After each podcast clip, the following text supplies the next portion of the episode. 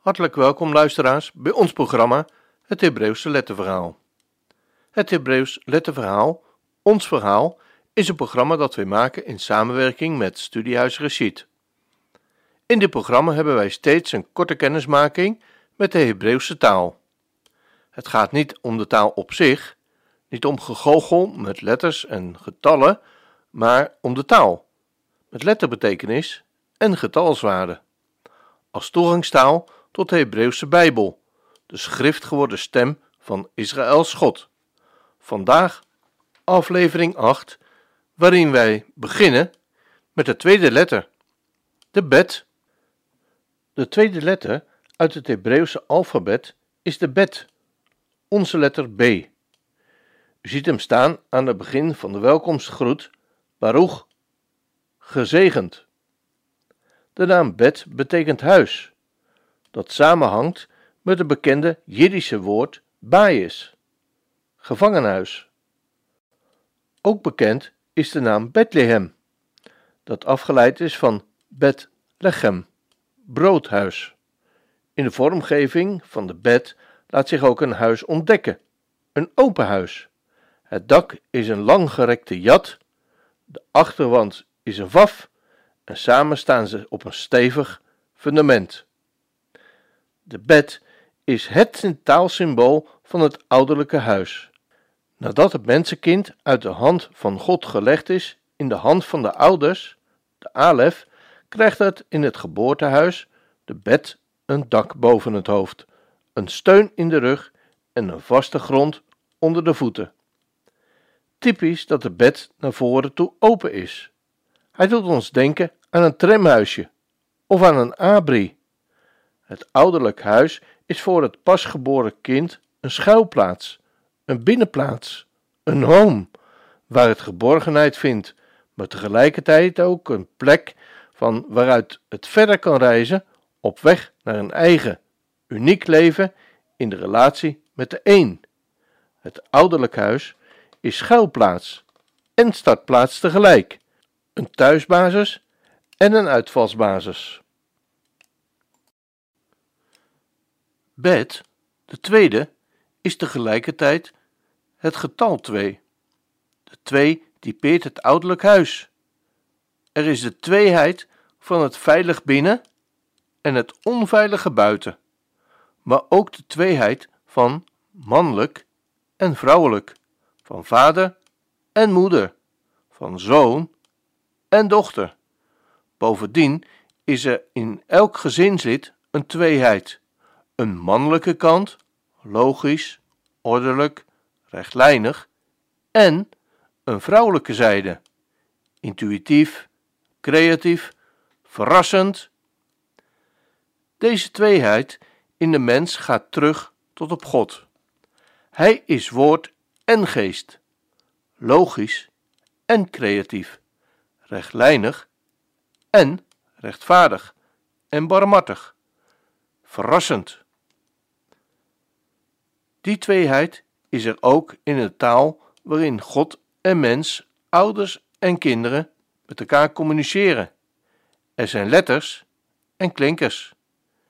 Er is een vaste mannelijke structuur, het gebinte van een woord, en er zijn vrouwelijke, bewegelijke, speelse klinkerklanken. Als in het geboortehuis het evenwicht tussen die twee zoek raakt, als het mannelijke en het vrouwelijke verdrinkt, of als omgekeerd het huis geheel vermoedert, gaat er iets mis in de ontplooiing van het jonge kind. Datzelfde geldt ook voor het huis van de cultuur waarin het kind opgroeit.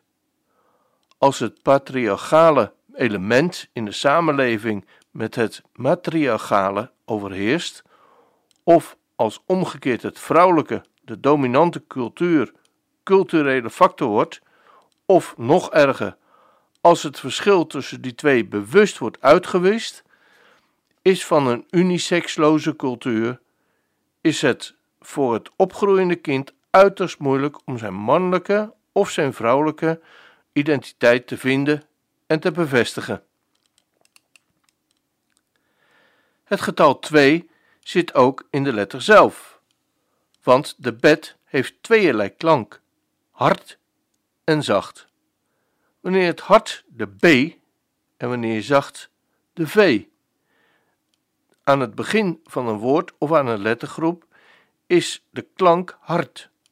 Dan staat er ook steeds een stip midden in het letterteken, zoals in Baruch, gezegend.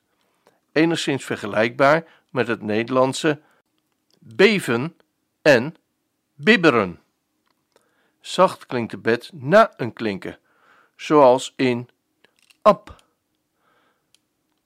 De bed krijgt hier een lichte ademklank achter zich aan, een zachte h, die hij meekrijgt van de klinker a. Klinkers zijn immers ademklanken. Deze dubbelletters, want er zijn meer van deze dubbelgangers, zoals we later zullen zien, zijn zogenaamd geaspireerd. Wij kennen ditzelfde taalverschijnsel met de P, die behalve ook geaspireerd kan worden met PH, bijvoorbeeld in Philips.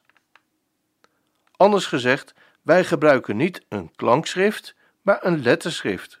Bij klankschrift schrijft men de letters zoals ze klinken: af, vader, Abraham, Abraham.